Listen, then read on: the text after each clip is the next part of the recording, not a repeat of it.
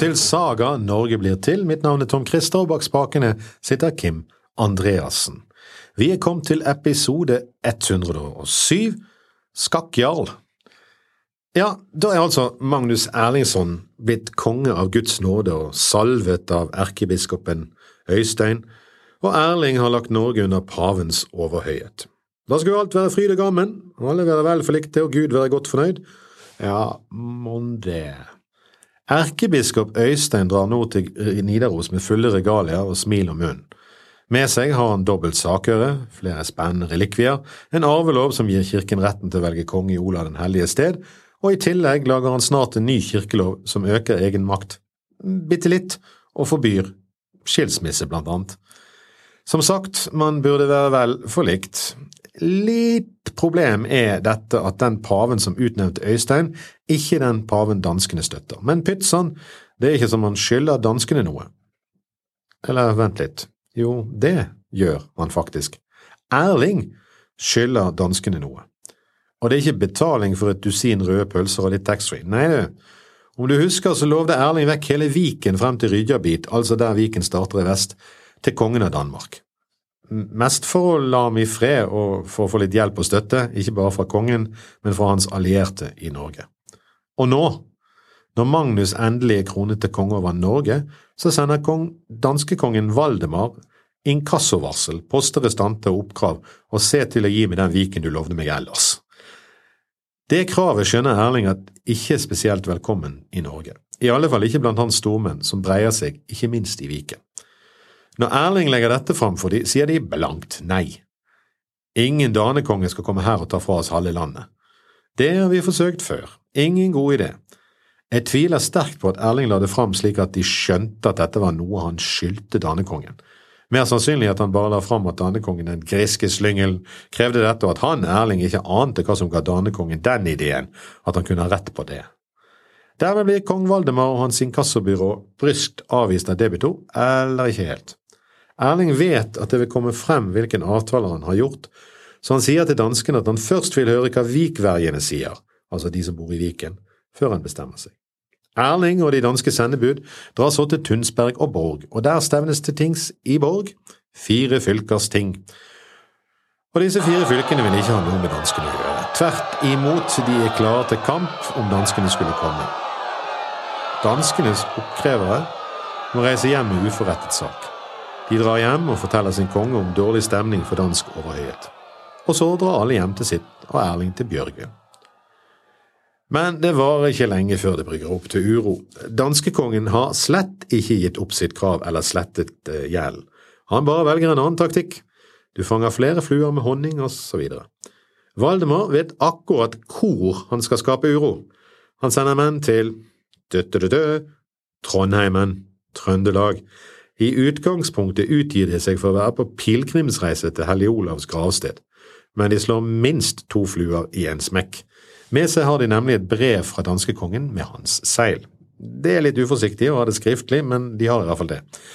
Der loves stormenn i Trondheim en store rikdommer, makt og eiendommer dersom de sender tilsvarende brev med sine seil tilbake, og lover å ta godt imot kong Valdemar om han skulle komme.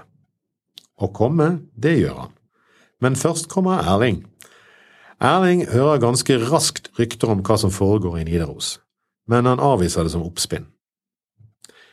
De sier til han at stemningen der er slik at mange har sagt at kommer Erling til Nidaros, da vil han aldri slippe ut Trondheimsfjorden igjen, aldri forbi Agdenes, som er ved munningen av fjorden. Erling blåser av det. I stedet lyser han ut at han vil dra sydover til Onarheimsgildet på Tysnes i Sunnhordland. Men skulle du sett, når Erling og hans menn ror ut Vågen og skal sette kursen sydover, så blir det litt vanskelig. Det blåser så innmari kraftig sønnavind at de kommer ikke av flekken sørover. De må faktisk ta inn i Biskopshavn og bare ligge der. Og Biskopshavn er jo tross alt på nordsiden av Bergen, ikke på sydsiden. Erling gir etter hvert opp og setter kursen nordover isteden, i medvind, sånn helt tilfeldig. Og dette er litt merkelig. Er det forsyn og Gud som vil ha han nordover? Eller er det dette Erling har planlagt hele veien? Nå farer i alle fall Erling og hans menn nordover med god bør. Den slue Erling gjemmer skutene sine blant mange andre skuter som skal inn til Nidaros for å feire Kristi himmelfartsdag. I dette båtrushet merker ingen at det er selveste Erling som kommer til byen kvelden før Kristi himmelfartsdag. Det er i Otta at Erling legger til, og folk er enten til, til kveldsmesse eller til uh, mat. Lendmannen Alv Rode sitter til frokost, på en måte, og er den første som får føle Erlings vrede. Han blir drept ved bordet. Alv Rode er sønn av salige Otta Birting, som vi har hørt om før. Det er egentlig nesten bare han som blir drept. Alv Rode og hans menn, forresten i kirken, og der vil Erling ikke bryte inn. Alt sammen skjer dagen før himmelfartsdagen og ut mot kvelden på himmelfartsdagen. Neste morgen kaller Erling til tings på Kristi himmelfartsdag. Det er jo ganske originalt. Her anlegger han sak for landsforræderi mot en rekke stormenn i Trøndelag. Det er jo uh, tøft gjort, midt i Trøndelag, og de skjønner ingenting av dette. De er helt fri for skyld. Nei, nei, vi, vi, er, uh, vi har ikke gjort noe sjø. Ingenting. Nå blir det plutselig klart at dette sannsynligvis har vært planlagt veldig lenge. For det viser seg at Erlings kapellan har bevis. De brevene som trønderne har merket med sine seil og sendt til danskekongen. På en eller annen måte har Erling klart å avskjære sendemennene og få tak i de brevene. Faktisk har Erling fanget de danske sendebudene og tatt de med til Nidaros. Han hadde aldri tenkt seg til Onaheim og Tysnes. Dette var planen hele veien. Så nå leses bevisene opp, og det er derfor det er kapellanen som gjør det, for han kan lese. Og seilene vises fram, de kjenner alle igjen og danskene vises fram, og da går luften ganske ettertrykkelig ut av trønderne. Dette er nemlig landsforræderi. Danskene, sannsynligvis med sverdspissen til Erling i ryggen, forteller villig vekk hva stormennene har sagt tidligere når de sverger lojalitet til danene. Du, rasse Bård, slo deg for bryst og sa ut av dette bryst, kom fra først alle disse råd. Mm, Rassebord eh, er litt forlegen. Øver jeg da, herre min, når jeg talte slik. Rassebord er livredd. Han ser hvor dette bærer hen, og forsøker å unnskylde seg med at han ikke var helt til sine fulle fem, eller rett og slett bare full. Med disse sterke bevisene og vitnemålene så er det ingen tvil. Trønderne må legge seg under Erlings dom. Han deler ut noen saftige bøter. I tillegg så blir det ikke betalt mannsbot fordi han hadde drept kvelden før. De blir, som det het, liggende ugilde. Ikke inhabile, altså, men uten at det betales bot for dem. Erling blir ikke lenge i Trøndelag, best å komme seg unna før trønderne klarer å samle seg igjen. Vi hører ikke noe fra erkebiskopen her, men dette er også verdslige ting, her kan kirken blande seg utenom. Men dårlige nyheter står litt i kø for Erling akkurat nå. Nå får han høre at danekongen Valdemar er på ferde i Viken. Danekongen er lei av Erlings protester og uttaling, og tror kanskje at hans gaver og bestikkelser skal ha hatt en virkning nå, som da Knut den store eller den mektige gjorde det samme. Men nei. Overalt hvor Valdemar kommer i Viken, samler folk seg og skyter piler på danen. Når han går landet Tunsberg og kaller til Tingsterg, kommer det ingen. Kongen sitter der og venter, men ingen dukker opp. Det hele er ganske pinlig, hans menn er irriterte og fornærmet og vil plyndre hele området, men Valdemar syns ikke det tjener noen stor hensikt å gjøre det. Dermed snur danehæren og seiler hjem igjen. I mellomtiden har Erling fått høre om den danske invasjonen av Viken, og han har kalt ut Leiang langs hele kysten fra Trøndelag og sørover. Når de kommer til Rydjabit, er de danske fuglene fløyet. Dermed er det ikke noe behov for Leidangen lenger, og de sendes hjem. Det koster nemlig å holde den oppe. Erling tar nå en klassisk en, eh, norske konger har gjort det mange ganger før. Han samler de som er mer profesjonelle krigere, og setter over Skagerrak etter danskehæren. Han seiler på østsiden av Jylland og kommer over danskene, hva skal vi si, vel, i hvert fall han kommer over avdelinger av Valdemars styrke. Erling legger til kamp med en gang. Det er nok uventet for danene at kampen skal komme hit, så Erling vinner lett og herjer siden et sted som heter Grenå. Grenå er vel det østligste punktet på Jylland. Om du ser på Danmark, på et kart over Danmark, så ser det litt ut som et hode med en lue på, og da er Grene og den nesen som stikker ut i retning Sverige og nord for Fyn. Men nå har Erling egentlig stelt det skikkelig til. Dette er en ren provokasjon mot danskekongen, og Erling har egentlig ikke råd til å gjøre Valdemar til sin fiende. Her må diplomatiet settes inn straks, og det gjør Erling. Diplomatiet i denne sammenheng er hans kone Kristin. Hun sendes syd i Danmark fordi hun er kusine av kong Valdemar. og hun blir tatt godt, imot hos sin fetter og starter straks med å overtale han til å slutte fred med Norge og sin mann. Og utpå 1166 ser det ut som han lykkes nok til at han sender bud hjem til Erling at han bør komme og gjøre seg forlikt med Valdemar. Eh, eller i hvert fall det er det Snorre påstår. Han sier at Erling seiler over i 1166 for å møte Valdemar, men andre kilder peker på 1170 som årstallet. Det er ikke sikkert det er så forskjellig, egentlig, for Erling kommer seg ikke så fort vekk igjen fra Danmark. Erling seiler til Randers, der er kongen, og Erling skal møte han. Men Erling hadde ikke vært Erling om han ikke tok sine forholdsregler.